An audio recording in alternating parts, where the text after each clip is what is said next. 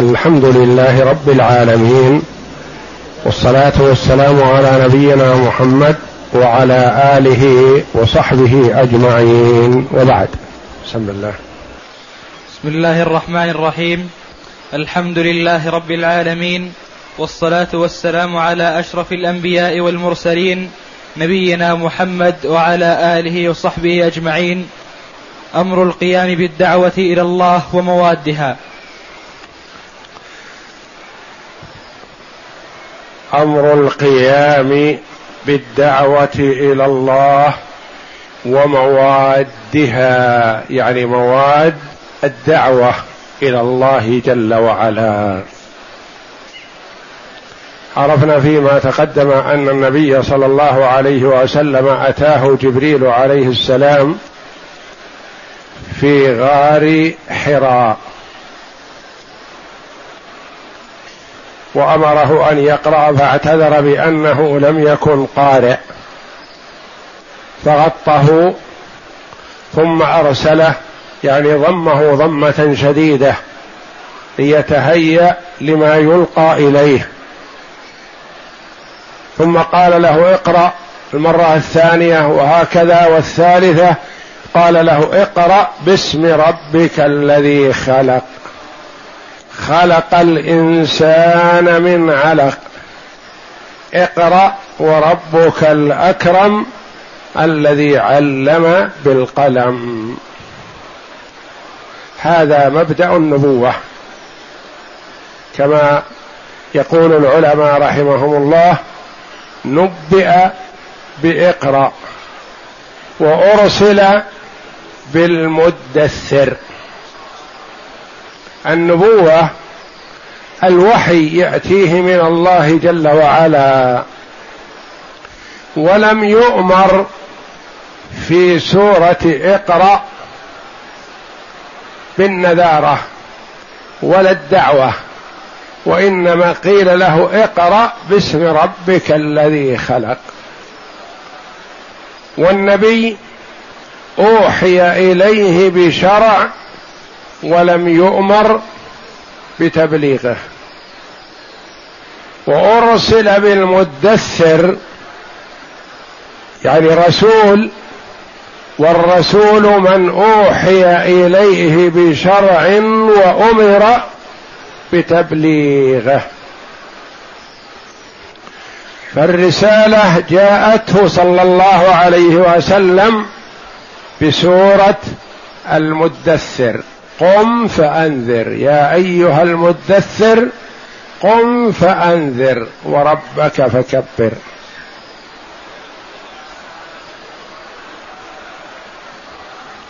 والمزمل لما قال زملوني زملوني نزل عليه يا أيها المزمل قم الليل إلا قليلا. المزمل توجيه له بالعباده الخاصة. والمدثر توجيه له صلى الله عليه وسلم بالعبادة المتعدية. وكلما كانت العبادة متعدية فهي أفضل. من العبادة القاصرة على صاحبها.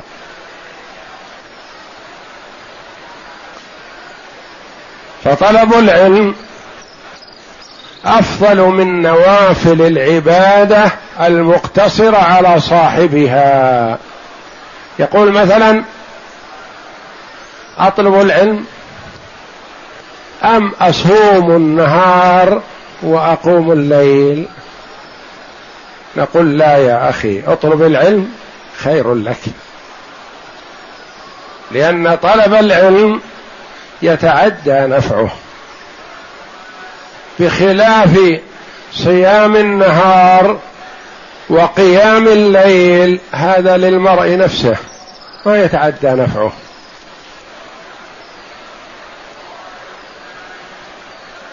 والله جل وعلا يحب من عبده أن ينفع عباده.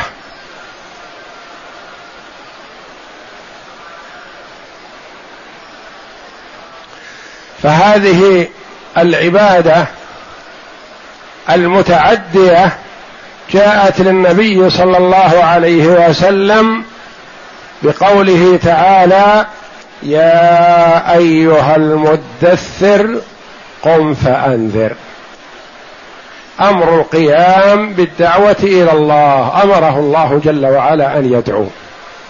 وسيأتينا قريبا إن شاء الله أدوار الدعوة إلى الله جل وعلا التي قام بها النبي صلى الله عليه وسلم وهما دوران. الدور المكي والثاني الدور المدني. وكل دور يختلف عن الدور الآخر.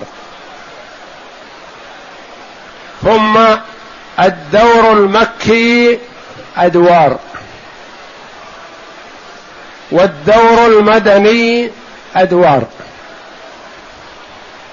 بدأ المؤلف رحمه الله تعالى بأدوار الدور المكي كما سيأتينا قريبا. الدعوة السرية ثم الجهرية ثم الإعلان بها والانتقال بها عن مكة.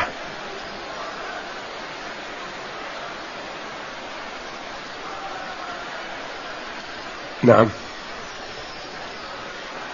تلقى النبي صلى الله عليه وسلم اوامرا عديدة في قوله تعالى أوامر عديدة يعني متعددة في آيات قصيرة لطيفة متقاربة فيها التعجيز وفيها البلاغة وهي سهلة.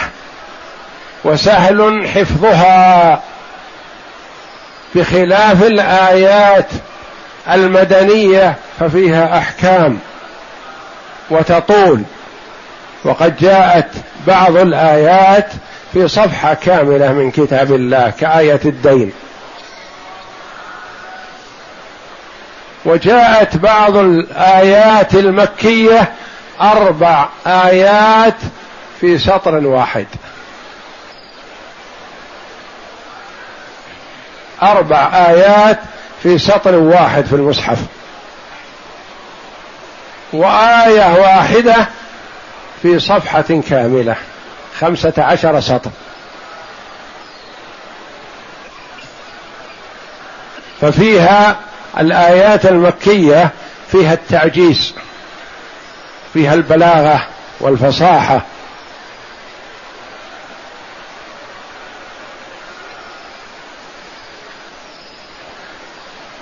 كان الكفار يشتاقون إلى سماع قراءة النبي صلى الله عليه وسلم وهم لم يؤمنوا به لكن لحسن ما يلقي عليه الصلاة والسلام لأنهم يميزون بين الكلام الفصيح وخلافه. يدركون البلاغة جيدا هم أهل الفصاحه والبلاغة. فكانوا يستمعون ليتلذذوا بأصواتهم تلذذوا بآذانهم بالسماع ولا يحب أن يسمع غيرهم. ما يحب أن يسمعون يخشون أن يؤمنوا. فيأتون يتلصصون ليلا ليستمعوا لقراءة النبي صلى الله عليه وسلم. وهم لم يؤمنوا به لكن لحسن ما يسمعون. أوامر عديدة في هذه الآيات القصيرة المتقاربة. نعم. في قوله تعالى يا أيها المدثر قم فأنذر وربك فكبر وثيابك فطهر والرجز فاهجر ولا تمنن تستكثر ولربك فاصبر. في هذه الآيات الكريمة اجتمع الأمر بالقيام بالدعوة وموادها. مواد الدعوة لماذا ي... إلى ماذا يدعو؟ قال الله جل وعلا له يا أيها المدثر. ومعنى المدثر المتدثر المتغطي. لأنه جاء عليه الصلاة والسلام يرجف فؤاده لما رأى. فقال دثروني دثروني غطوني.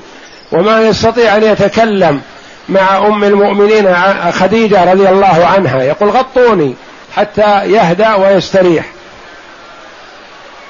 ثم لما ذهب عنه الروع قام يتحدث مع خديجة رضي الله عنها فآنسته وقالت كلا والله يقول لها قد خشيت على نفسي قالت كلا والله لا يخزيك الله أبدا. لا يخزيك الله لأن فيك خصال حميدة طيبة. والمرء إذا اتصف بالصفات الحميدة فالله جل وعلا يتولاه. أنزل الله جل وعلا عليه بعد هذا بعد اقرأ يا أيها المدثر هذا الأمر الأمر من قيام الدعوة. قم فأنذر. وموادها وربك فكبر وثيابك فطهر والرجز فاهجر. ولا تمنن تستكثر ولربك فاصبر. الدعوة إلى الله جل وعلا ما تخرج عن هذه الأوامر الخمسة. وربك فكبر وثيابك فطهر والرجز فاهجر ولا تمنن تستكثر ولربك فاصبر. فيها إشعار. بعظم المسؤولية والحمل الذي حمله عليه الصلاة والسلام. وأنه ليس الأمر قاصر عليه وإنما سيتعدى إلى الناس كلهم. قم فأنذر. أنذر الناس. يعني خوفهم. هذه فيها تخويف وليس تخويف في الدنيا وإنما إشعار في الآخرة بأن هناك دار آخرة يخوف منها. إن آمن فله جنة عرضها السماوات والأرض وإن كفر فله نار وقودها الناس والحجارة. قم فأنذر. وربك فكبر. عظم الله. ليكون الله جل وعلا أعظم شيء عندك. وعند من تدعوه. وربك فكبر. فكلمة الله أكبر كلمة عظيمة. ولهذا جعلت شعار الصلاة. شعار الصلاة. الانتقال من ركن إلى ركن ومن حال إلى حال بهذه الكلمة العظيمة. سوى قول سمع الله لمن حمده ربنا ولك الحمد. وإلا كلها تكبير.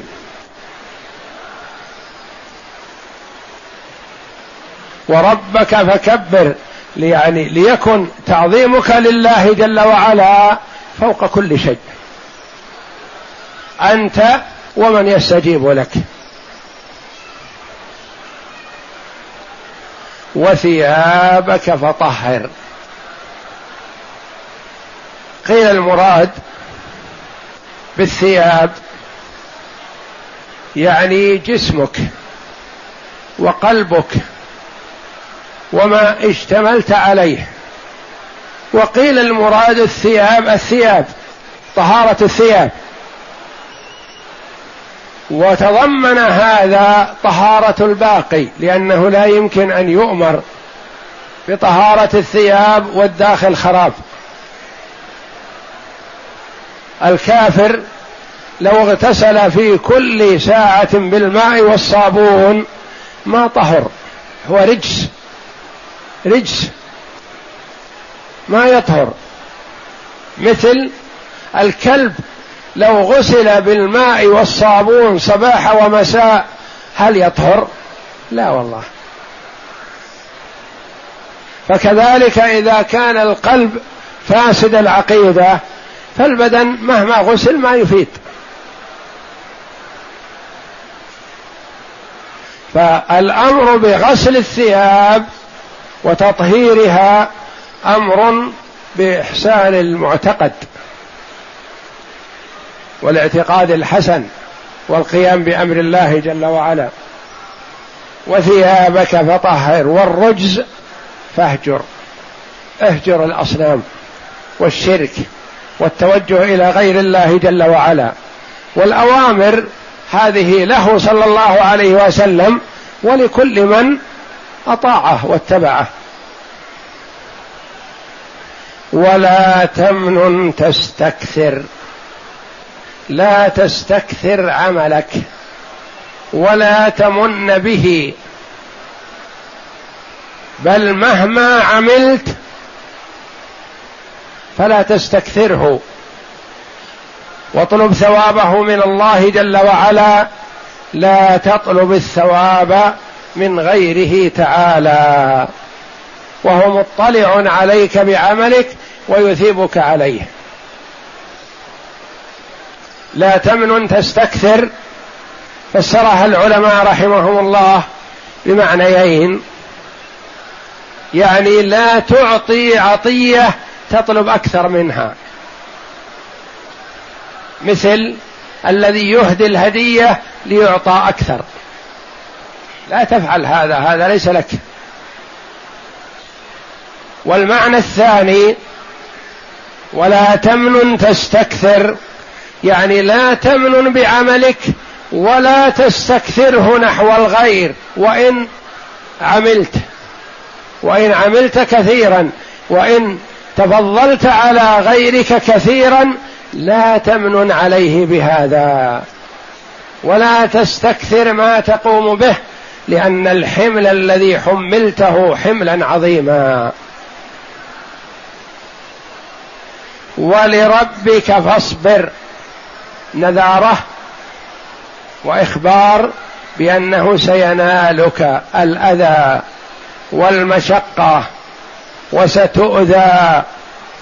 فتحمل كل ما يأتيك في ذات الله. أمر بالنذارة.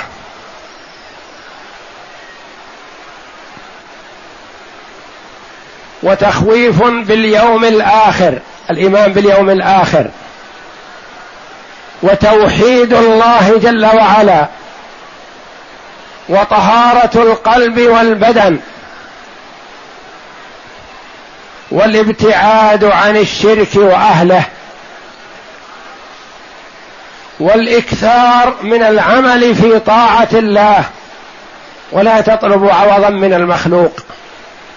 واصبر على ما ينالك في ذات الله. هذه مواد الدعوة إلى الله جل وعلا. لا تخرج عن هذا.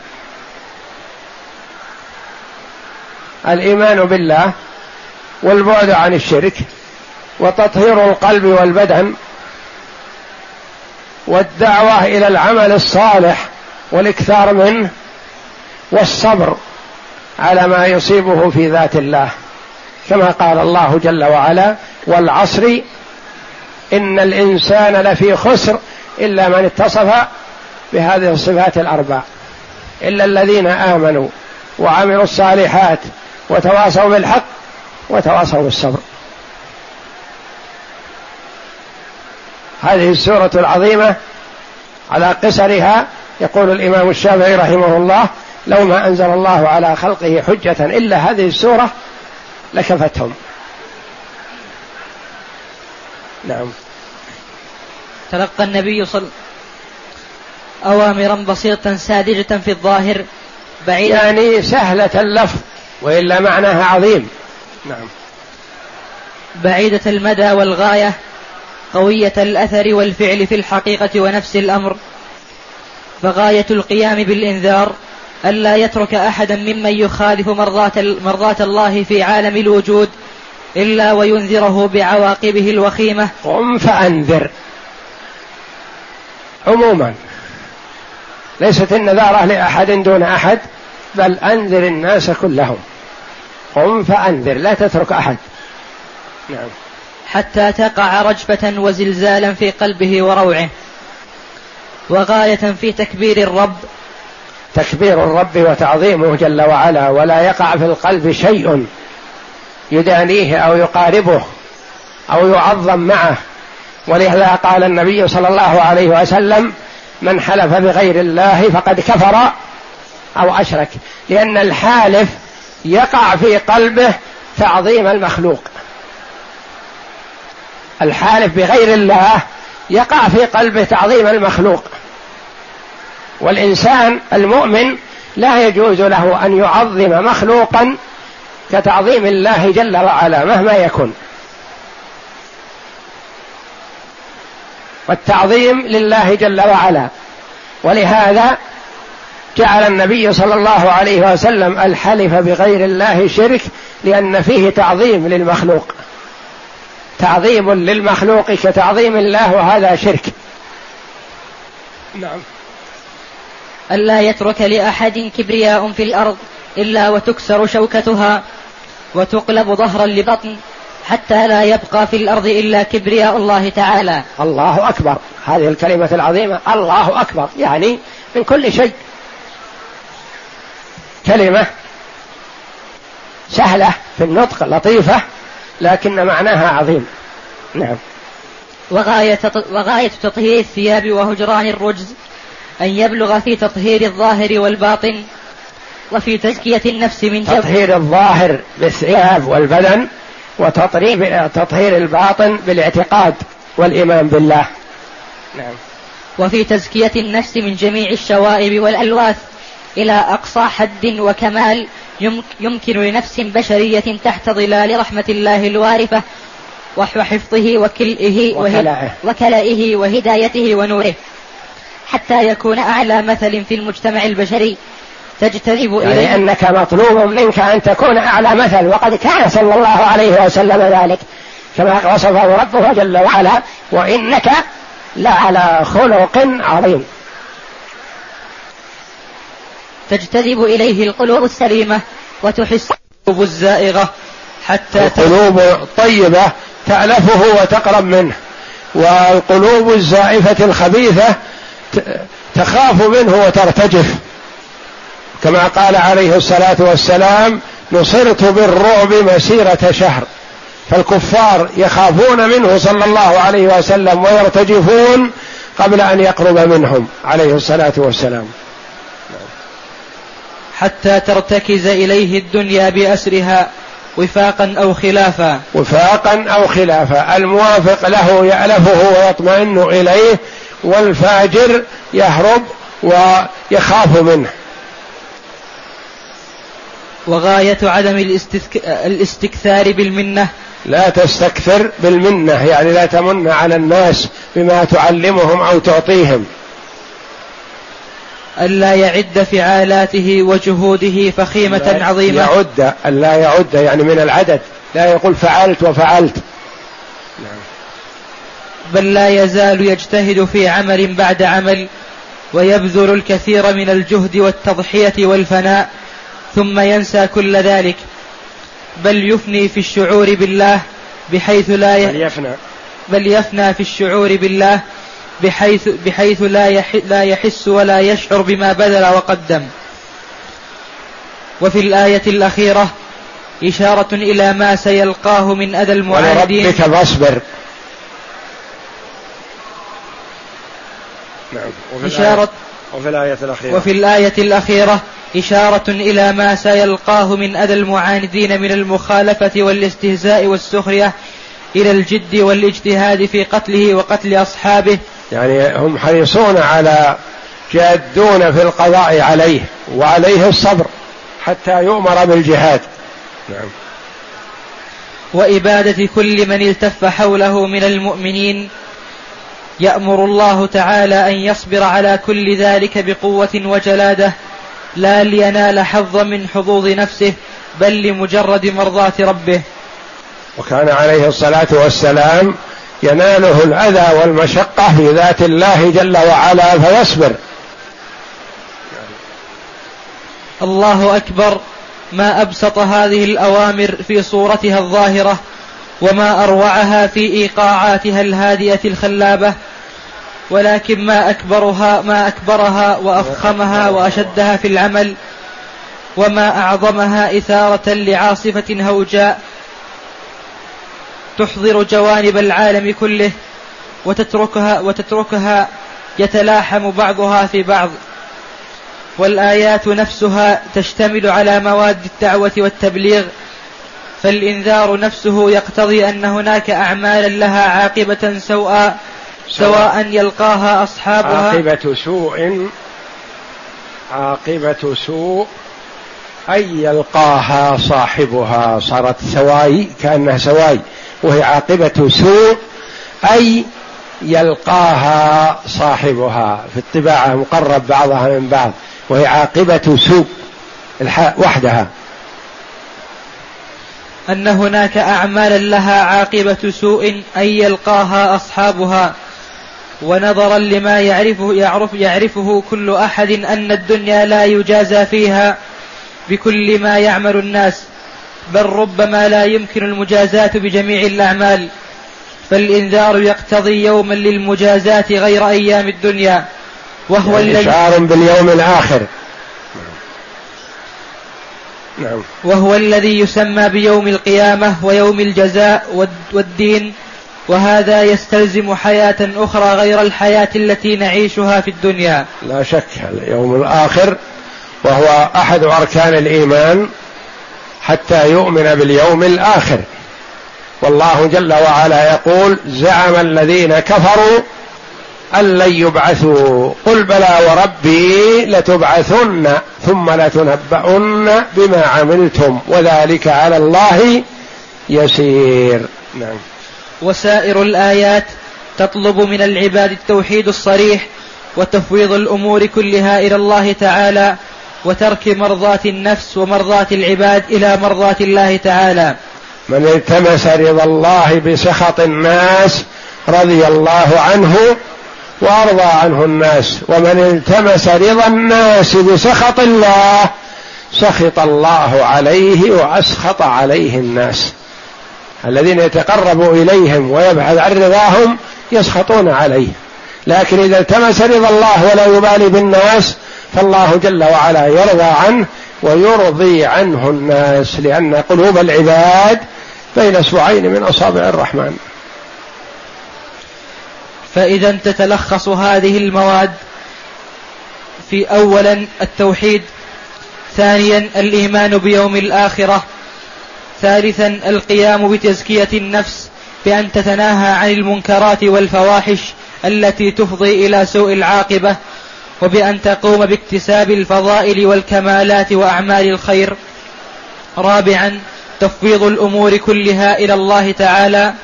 خامسا وكل ذلك بعد الإيمان برسالة محمد صلى الله عليه وسلم وتحت قيادته النبيلة وتوجيهاته الرشيدة. ثم إن مطلع الآيات تضمنت النداء العلوي في صوت النداء من الله جل وعلا لرسوله صلى الله عليه وسلم بيناديه بقوله تعالى يا أيها المدثر في صوت الكبير المتعال وهو الله جل وعلا. بانتداب النبي صلى الله عليه وسلم لهذا الأمر الجلل. الأمر العظيم وهو تبليغ الرسالة. نعم. وانتزعه من النوم والتدثر والدفء إلى الجهاد والكفاح والمشقة. يعني اصبر على ما يأتيك فستتحمل المشقة الكبيرة. وفعلا هو جاهد في الله عليه الصلاة والسلام حق جهاده حتى أتاه اليقين. نعم. يا أيها المدثر قم فأنذر. كأنه قيل إن الذي يعيش لنفسه قد يعيش مستريحا. يعني الذي يعمل لنفسه فقط يعمل مستريح. عمله بسيط لنفسه ولا يناله مشقة. والذي يعمل لغيره سيناله المشقة العظيمة لكن عليه الصبر والتحمل. أما أنت الذي تحمل هذا العبء الكبير فما لك والنوم وما لك والراحة وما لك والفراش الدافئ والعيش الهادئ والمتاع المريح. قم للأمر العظيم الذي ينتظرك والعبء الثقيل المهيأ لك. قم للجهد والنصب والكد والتعب. قم فقد, فقد مضى وقت النوم والراحة. وما عاد منذ اليوم إلا السهر المتواصل والجهاد الطويل الشاق.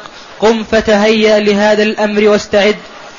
إنها لكلمة عظيمة رهيبة تنزعه صلى الله عليه وسلم من دفء الفراش في البيت الهادئ والحضن, والحضن الدافئ لتدفع به في الخضم بين الزعازع والأنواء وبين الشد والجذب في ضمائر الناس وفي واقع الحياة سواء.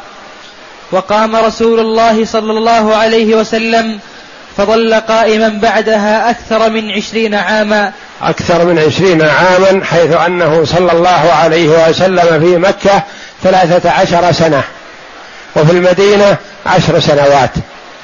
هذه هذا عمر الدعوة ثلاث وعشرون سنة.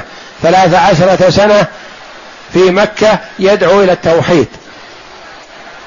ولم ينزل عليه من الفرائض سوى الصلاة. توحيد الله جل وعلا والصلاة. لما هاجر إلى المدينة نزلت عليه الشريعة الأمر الأوامر والنواهي في العشر السنوات الأخيرة. لم يسترح ولم يسكن ولم يعش ولم يعش لنفسه ولا لأهله. قام وظل قائما على دعوة الله. يحمل على عاتقه العبء الثقيل الباهظ ولا ينوء به. عبء الأمانة الكبرى في هذه الأرض عبء البشرية كلها عبء العقيدة كلها وعبء الكفاح والجهاد في ميادين شتى. عاش في المعركة الدائبة المستمرة أكثر من عشرين عاما لا يلهيه شأن عن شأن في خلال هذا الأمد منذ أن سمع النداء العلوي الجليل وتلقى منه التكليف الرهيب. جزاه الله عنا وعن البشرية كلها خير الجزاء.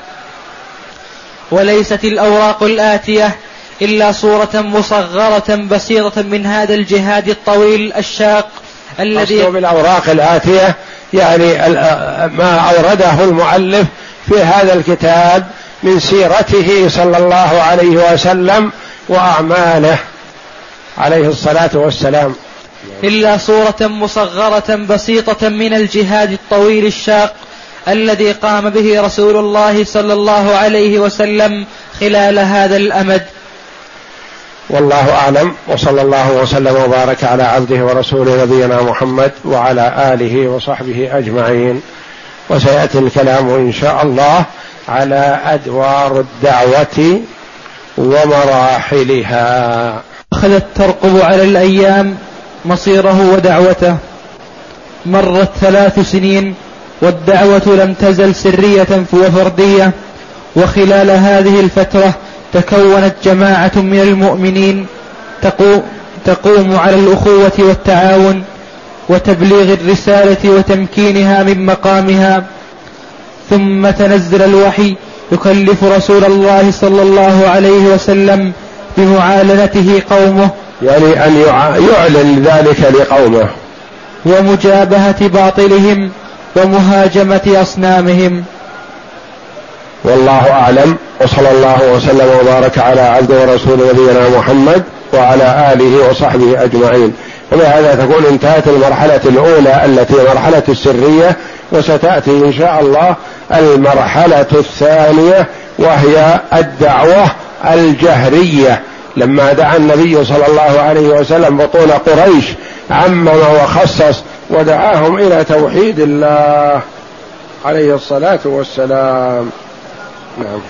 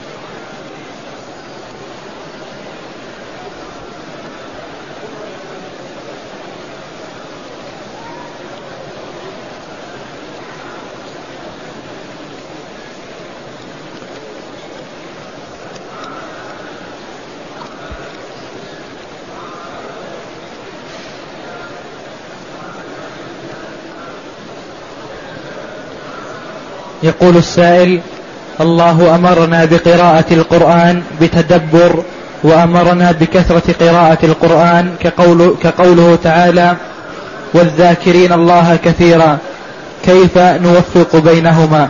ليس بينهما تعارض حتى نوفق بينهما. فقراءة القرآن من أفضل الذكر كما سمعنا من فضيلة إمامنا في خطبة الجمعة. أفضل أنواع الذكر قراءة القرآن. فالمسلم مأمور بأن يكثر من ذكر الله جل وعلا سواء كان بالذكر بالتسبيح والتحميد أو بقراءة القرآن. وحلق الذكر حلق العلم تعتبر من حلق الذكر كذلك. حلق الذكر. إذا مررتم برياض الجنة فارتعوا قالوا يا رسول الله وما هي؟ قال حلق الذكر أو كما قال صلى الله عليه وسلم. فالاشتغال بذكر الله وبطلب العلم وبقراءة القرآن كل هذا من الذكر.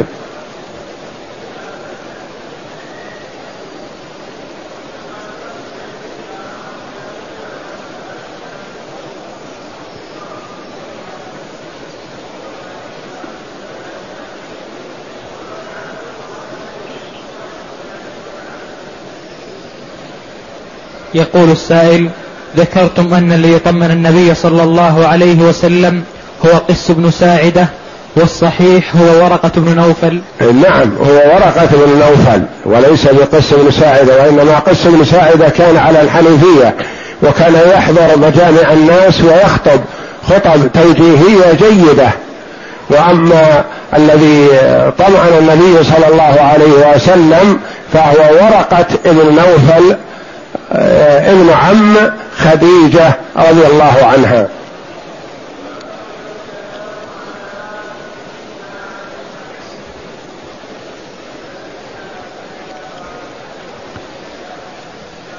يقول السائل قوله تعالى واهجروهن في المضاجع. ما معنى الآية وعلى ما تنطبق؟ وهل الزوجة العاصية لزوجها ممن تنطبق عليها؟ وإلى متى الهجر؟ الله جل وعلا رتب تأديب الزوجة وتوجيهها بقوله تعالى واللاتي تخافون نشوزهن فعظوهن واهجروهن في المضاجع واضربوهن فإن أطعنكم فلا تبغوا عليهن سبيلا. أولا الوعظ والتذكير والتخويف بالله جل وعلا من النشوز ومعصية الزوج. فإذا لم ينفع هذا فينتقل إلى الخطوة الثانية وهي الهجر في المضجع. يعني يعطيها ظهره في الفراش. فإذا لم ينفع هذا فلا بأس بالضرب ضربا غير مبرح. ولا ينبغي أن يصار إلى الضرب إلا إذا لم تنفع الخطوتان الخطوتان الأوليان.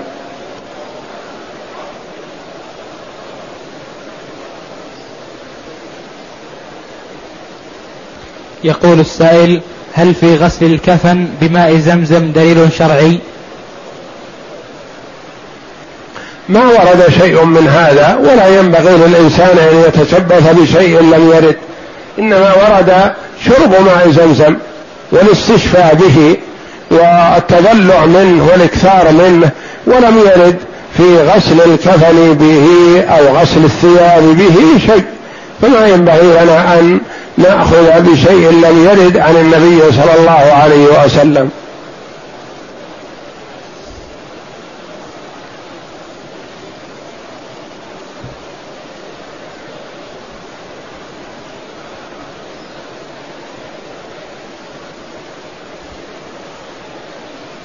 يقول السائل هل تسقط السنن الرواتب في السفر؟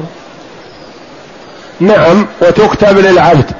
بقوله صلى الله عليه وسلم إذا مرض العبد أو سافر كتب له ما كان يعمل صحيحا مقيما سوى سنة الفجر والوتر. فهاتان ما كان النبي صلى الله عليه وسلم يتركهما لا حضرا ولا سفرا عليه الصلاة والسلام.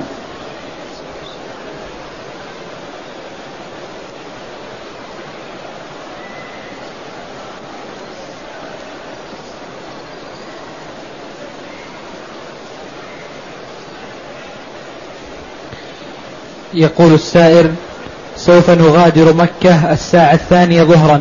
هل يجوز أن نقوم بأداء طواف الإفاضة بعد صلاة الفجر؟ لا يا أخي ما يحسن ما دام أن السفر بعد الظهر بساعتين مثلا فيكون الوداع بعد الفجر عاد الوداع يكون عند السفر. وحسب الوقت الذي يتمكن منه المرء فإذا كان لا يتمكن منه بعد الظهر فيكون قبل الظهر. إذا كان لا يتمكن من منه قرب وقت صلاة الظهر يكون قبل هذا حسب ما يتمكن فيه.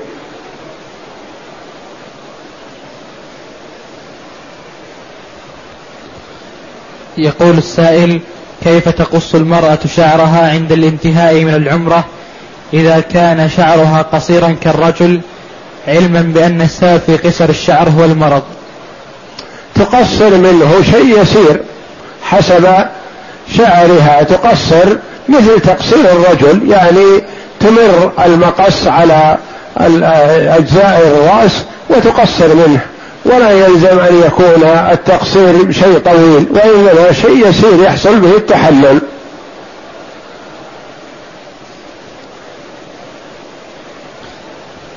تقول السائلة جاءتها العادة الشهرية وهي صائمة. بصيام نفل فهل تقضي هذا اليوم؟ ما يلزمها أن تقضي هذا اليوم. ما دام صيام نفل تطوع فجاءتها العادة فعليها الفطر.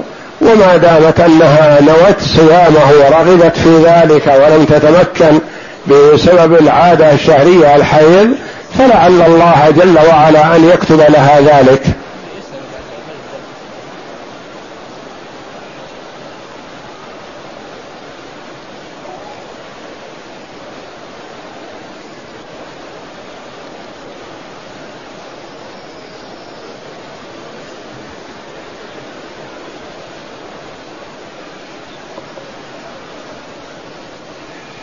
يسأل عن قراءة البسملة قبل قراءة الفاتحة في الصلاة الفرض هل هو واجب أو سنة؟ بل هو مستحب يستحب قراءة البسملة. بسم الله الرحمن الرحيم ولا تلزم.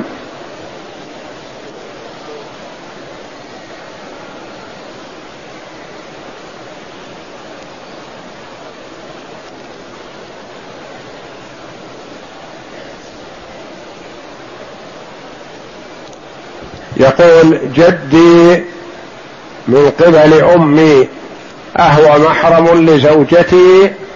نعم هو محرم لزوجتك لأن زوجتك تعتبر من زوجات الأبناء وهل خالي وعمي محارم لزوجتي؟ لا خالك ليس بمحرم لزوجتك وعمك ليس بمحرم لزوجتك. بل يجوز لو طلقتها أن يتزوجها خالك وأن يتزوجها عمك فهم أجانب منها. وهل أنا محرم لجدة زوجتي؟ نعم. جدة زوجتك أنت محرم لها محرم لامهات زوجتك وإن علونا. والله أعلم. وصلى الله وسلم وبارك على عبد ورسول نبينا محمد وعلى آله وصحبه أجمعين.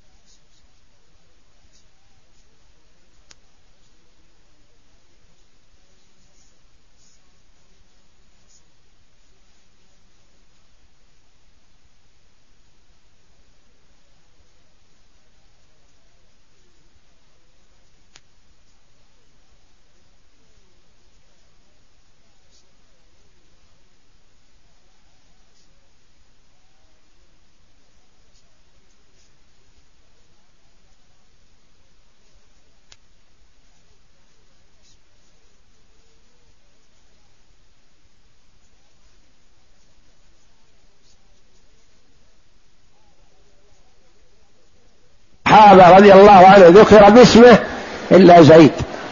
فلما قضى منها زيد وطرا زوجناكها. لأن النبي صلى الله عليه وسلم زوجه زينب بنت جحش ابنة عمة رسول الله صلى الله عليه وسلم. لكن زينب ما استمرت معه. ورغبت عنه وما أحب زيد أن يكرهها فطلقها. ثم إن النبي صلى الله عليه وسلم زوجه الله إياها من فوق سبع سماوات. فالنبي صلى الله عليه وسلم تزوجها بعد زيد رضي الله عنه. بأمر الله جل وعلا فلما قضى زيد منها وطرا زوجناكها وكانت رضي الله عنها تفخر على نساء النبي صلى الله عليه وسلم تقول زوجكن أهاليكن وزوجني الله من فوق سبع سماوات. رضي الله عنها وأرضاها. والله جل وعلا زوجه إياها ليبطل ما كان سائدا في الجاهلية من أن الرجل ما يتزوج بنت زوجة ابنه بالتبني لأن زيد صار ابن محمد بالتبني ثم ألغي التبني ومنع شرعا فزوجه الله إياها. نعم. وابن عمه علي بن أبي طالب وكان صبيا يعيش في كفالة الرسول صلى الله عليه وسلم أول من أسلم من الصبيان علي رضي الله عنه وكان علي ابن أبي طالب ابن عم النبي صلى الله عليه وسلم ابن عمه أبي طالب. وكان أبو طالب عنده عيال عدد. وكان فقير إلا أنه شريف في قومه. فعرض النبي صلى الله عليه وسلم على القريبين من أبي طالب بأن يساعدوه في كفالة أولاده. فكان علي رضي الله عنه عند النبي صلى الله عليه وسلم في بيته ومعه. فسارع رضي الله عنه إلى الإسلام مع امتناع أبيه. نعم. وصديقه الحميم أبو بكر الصديق. منهم أو من أول من أسلم صديق وصديق النبي صلى الله عليه وسلم كان صديقا له قبل الإسلام وبعد الإسلام رضي الله عنه وأرضاه. سارع إلى الاستجابة لدعوة محمد صلى الله عليه وسلم. نعم. أسلم هؤلاء في أول يوم من الدعوة. على أول ما عرض عليهم النبي صلى الله عليه وسلم الإسلام سارعوا رضي الله عنهم وأرضاهم. نعم. ثم نشط أبو بكر في الدعوة إلى الإسلام. ثم بدأ أبو بكر رضي الله عنه نفسه يدعو إلى الإسلام. من جاء يجلس عنده في محله عرض عليه الإسلام ورغبه وخاصة من يثق فيه من ذوي العقل والتمييز والإدراك للأمور. أسلم على يده عدد من الصحابة مثل عثمان بن عفان وطلحة وغير الزبير وغيرهم رضي الله عنهم. أسلموا على يد أبي بكر الصديق رضي الله عنه. وكان رجلا مؤالفا محببا سهلا ذا خلق ومعروف وكان وكان رجال قوم قومه يأتونه وكان رجال قومه. وكان رجال قومه يأتونه ويألفونه لعلمه وتجارته.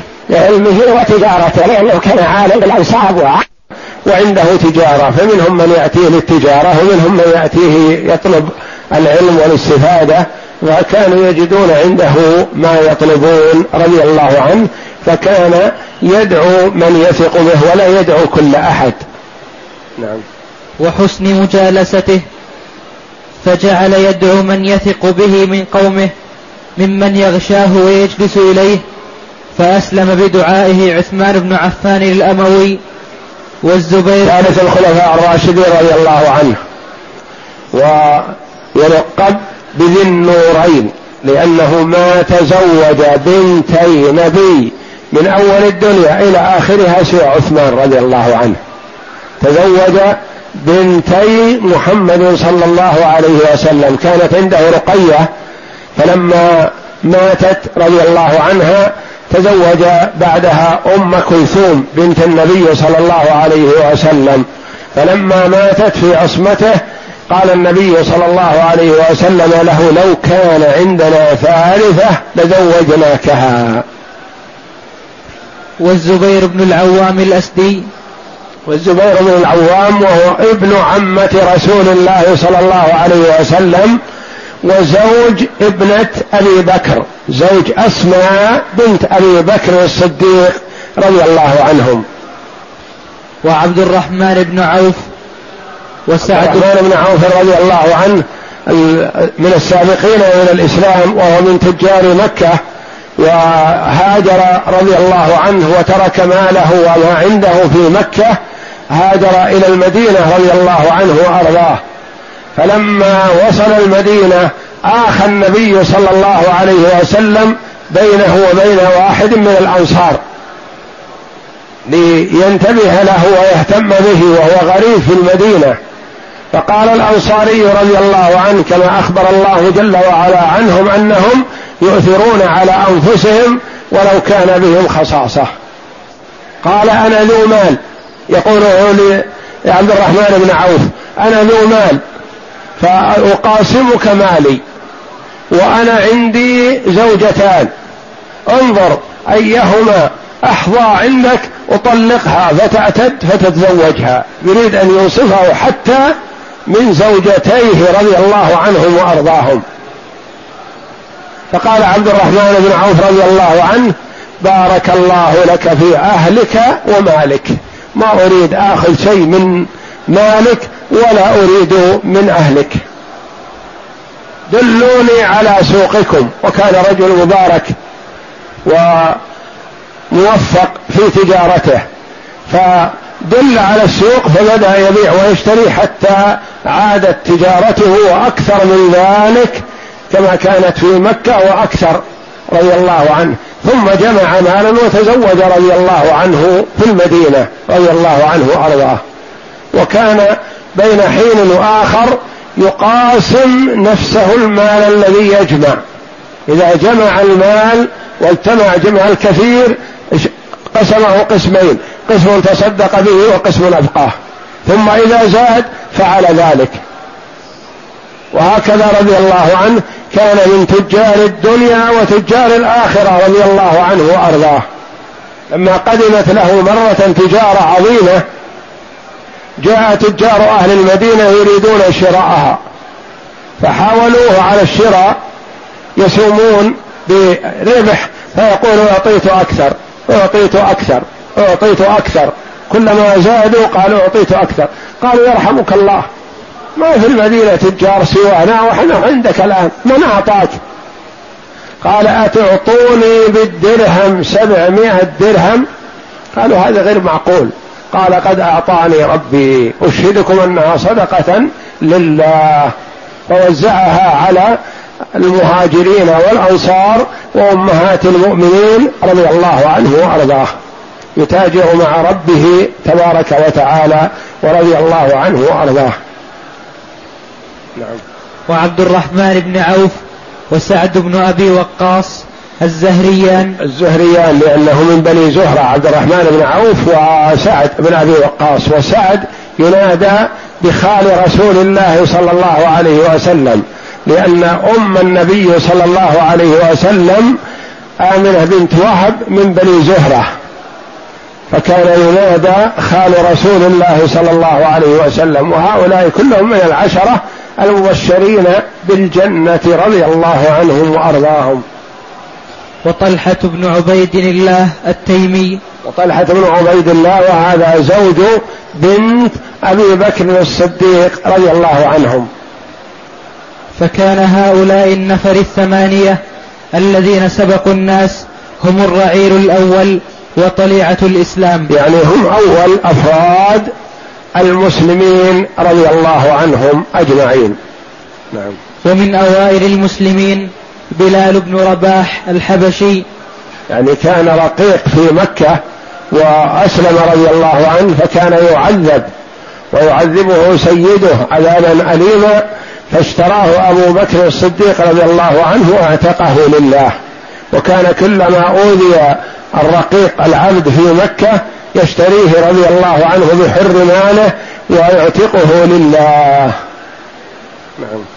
ثم تلاهم أمين هذه الأمة أبو عبيدة أبو عبيدة عامر بن الجراح من بني الحارث بن فهر من فهر فهو من قريش رضي الله عنه وهو من العشرة المبشرين بالجنة وهو أمين هذه الأمة. كما قال النبي صلى الله عليه وسلم لكل أمة أمين وأمين هذه الأمة أبو عبيدة عامر بن الجراح رضي الله عنه وأرضاه. نعم. وأبو سلمة بن عبد الأسد. وأبو سلمة الذي هو أخو النبي صلى الله عليه وسلم من الرضاعة. وهو زوج أم سلمة رضي الله عنها قبل النبي صلى الله عليه وسلم فلما مات عنها أبو سلمة رضي الله عنها وتمت عدتها جاء النبي صلى الله عليه وسلم يخطبها لنفسه رضي الله عنها وأرضاها تقديرا لموقفها النبيل و إعطائها من نفسها لله ولرسوله وهجرها لأهلها وذويها من أجل إيمانها. فكانت مهاجرة مع أبي سلمة رضي الله عنه إلى الحبشة ثم عادت من الحبشة إلى مك إلى المدينة مهاجرة إلى المدينة ثم توفي عنها زوجها أبو سلمة رضي الله عنه بالمدينة. وكان من السابقين إلى الإسلام وكان أخ للنبي صلى الله عليه وسلم من الرضاعة. فبقيت في المدينة وحيدة فريدة. أهلها في مكة أشد ألد أعدائها لو تمكنوا منها قتلوها. ولا ليس لها أحد في المدينة تعرفه رضي الله عنها. فعوضها الله جل وعلا خيرا. فلما مات أبو سلمة حضره النبي صلى الله عليه وسلم وعزاها فيه عليه الصلاة والسلام وكان عليه الصلاة والسلام قد قال من ابتلي بمصيبة فصبر لها واحتسب وقال ما ورد عوضه الله جل وعلا خيرا. تقول رضي الله عنها لما مات أبو سلمة قلت اللهم أجرني في مصيبتي. فلما وصلت إلى قول واخلف لي خيرا منها قلت يا ترى من خير من أبي سلمة؟ ما تتصور هي رضي الله عنها أنه سيأتيها أحد خير من أبي سلمة. فلما تمت عدتها أتاها النبي صلى الله عليه وسلم بنفسه يخطبها لنفسه عليه الصلاة والسلام جبرا لخاطرها. فقالت يا رسول الله يمنعني ثلاث وإلا ما ترد. سبية لي. وليس أحد من اوليائي حاضر. من يزوجني؟ ما عندي أحد. وفي غيره. وأخشى أن ترى مني ما تكره فيغضب الله علي بغضبك علي. فقال لها عليه الصلاة والسلام أما صبيتك أولادك فأولادي أتولاهم معك؟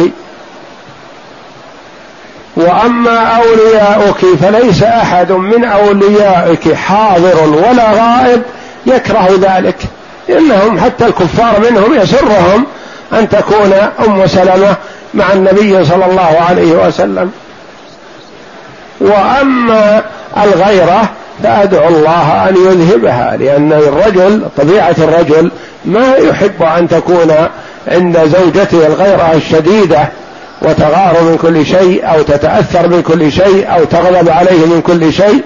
قال هذه أدعو الله أن يذهبها ما قال أتحملها عليه الصلاة والسلام؟ فقالت قم يا عمر زوج رسول الله صلى الله عليه وسلم عمر بن أبي سلمة ابنها. فتزوجها النبي صلى الله عليه وسلم وأصبحت بعد أن كانت أم سلمة صارت أم المؤمنين قاطبة رضي الله عنها وأرضاها. والأرقم بن أبي الأرقم المخزوميان. نعم. وعثمان بن مضغون. وعثمان بن مضغون وأخواه قدامة وعبد الله الثلاثة رضي الله عنهم إخوة. سارعوا إلى الإيمان وتصديق محمد صلى الله عليه وسلم وهاجروا الهجرة الأولى إلى الحبشة ثم هاجروا إلى المدينة رضي الله عنهم. وأخواه قدامة وعبد الله وعبيدة بن الحارث عبيدة عبيدة بن الحارث ابن المطلب ابن ابن عم رسول الله صلى الله عليه وسلم. يعني هذا عبيدة يساوي والد النبي صلى الله عليه وسلم لأن النبي صلى الله عليه وسلم هو محمد ابن عبد الله ابن عبد المطلب. ابن عبد مناف. وهذا عبيدة ابن الحارث عبيدة ابن الحارث ابن المطلب ابن عبد مناف. يعني عبيده هذا يساوي في النسب إلى عبد مناف مثل أبي النبي صلى الله عليه وسلم.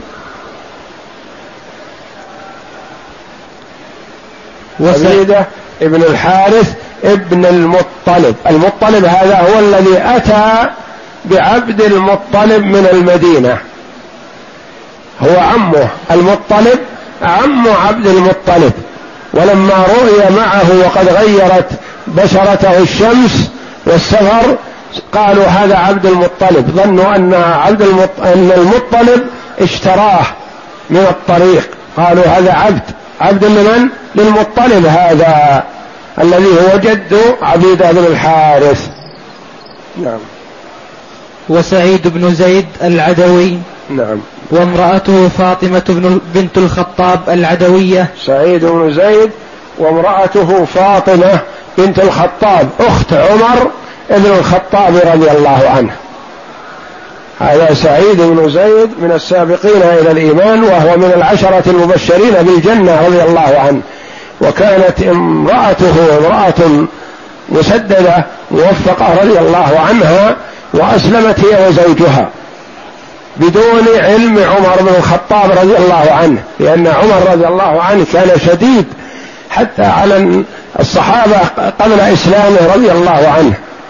فكانت هي السبب رضي الله عنها فاطمة في إسلام عمر رضي الله عنه وأرضاه. لأن عمر خرج من بيته يريد المسلمين مع النبي صلى الله عليه وسلم يريد أن يفتك بهم. فقابله أحد الأشخاص ما تريد قال أريد هؤلاء الصابئة أريد يريد أن يفتك بهم. فقال اترك هؤلاء اذهب إلى بيتك أختك أسلمت. قال ما يكون؟ قال لا أكيد. أختك فاطمة أسلمت.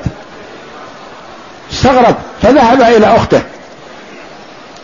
فإذا عنده خباب بن الأرت رضي الله عنه يقرأ سعيد بن زيد وفاطمة يقرئهم القرآن. فخباب لما سمع صوت عمر رعب رضي الله عنه وأرضاه وخاف على نفسه لأن عمر ما أحد يستطيع أن يقف بوجهه رضي الله عنه لا في الجاهلية ولا في الإسلام. فاختفى رضي الله عنه.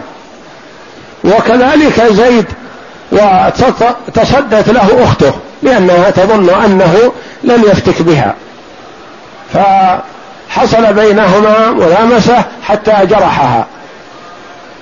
فقال أعطيني الصحيفة التي معكم أقرأها. صحيفة من القرآن. قالت لا أنت مشرك نجس فما أسلمك للصحيفة؟ هذا كلام الله. ما يمكن تمسه أنت وأنت على شركك. فرعوى ولان لما رأى الدم يسيل من جبين أخته فاطمة. فقال أريد أن تريني إياها فأبت حتى تعدني بالإسلام بأنك تسلم وتغتسل وتطهر. فاغتسل وتطهر وأسلم وأخذ الصحيفة فقرأها وأعجب بها. وسأل عن النبي صلى الله عليه وسلم أين هو فقيل في دار الأرقم. فذهب إليه رضي الله عنه معلنا إسلامه فلما طرق الباب سمع الصحابة الذين عند النبي صلى الله عليه وسلم الصوت قالوا هذا عمر. كل يخاف منه. من يتصدى له؟ أشجع الخلق.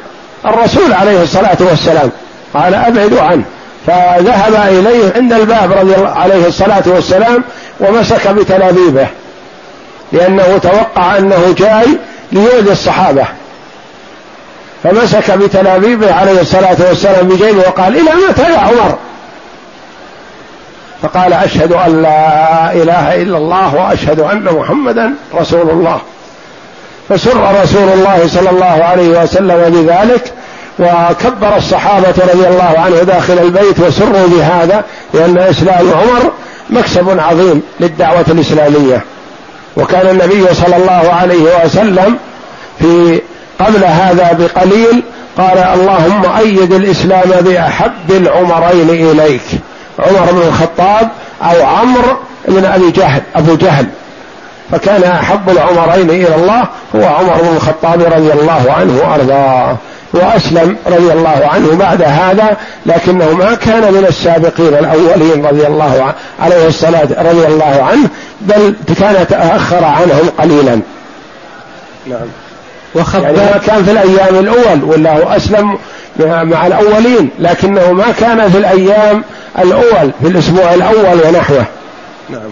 وخباب بن الأرت وعبد الله بن مسعود الهذلي وخلق الله بن مسعود رضي الله عنه من هذيل. نعم. وخلق. وخلق سواهم. يعني مجموعة أفراد. نعم. وأولئك هم السابقون الأولون. وهم من جميع بطون من جميع بطون قريش. لله في ذلك حكمة. ما كانوا من بطن واحد كانوا من بطون قريش كلها من أجل أن يكونوا لكل واحد منهم من يعطف عليه أو يحنو عليه من قبيلته. نعم. وعدهم ابن هشام أكثر من أربعين نفرا. وقد ذكر بعضهم وفي ذكر وفي ذكر بعضهم في السابقين الأولين نظر. يعني بعضهم ما كان في الأيام الأول. نعم. وقال ابن إسحاق ثم دخل الناس في الإسلام أرسالا من الرجال والنساء حتى فشى ذكر الإسلام بمكة وتحد وتحدث به. يعني ما كان أول يدرى عن هذا اللي يسلم ما يدرى عنه لكن لما كثر وكان في عدد من البيوت يسلم واحد اثنين وهكذا آه، ظهر. وبان وصار الناس يتحدثون بهذا. نعم. أسلم هؤلاء سرا وكان الرسول صلى الله عليه وسلم يجتمع بهم ويرشدهم إلى الدين متخفيا لأن الدعوة كانت لا تزال فردية سر وسرية وكان الوحي قد تتابع. وحمي نزوله بعد نزول أوائل المدثر وكانت الآيات وقطع الصور التي التي تنزل في هذا الزمان آيات قصيرة ذات فواصل رائعة منيعة. قصيرة ليسهل حفظها وضبطها ويكون فيها قوة البلاغة والإعجاز. نعم. وإيقاعات هادئة خلابة تتناسق مع ذلك الجو الهامس الرقيق. تشتمل على تحسين وتزكية تحسين تزكية النفوس وقبيح تلويثها برغائم الدنيا. تصف الجنة والنار وكأنهما رأي عين. تسير بالمؤمنين في جو آخر غير الذي فيه المجتمع البشري آنذاك. المجتمع البشري كانوا على الضلال. نعم.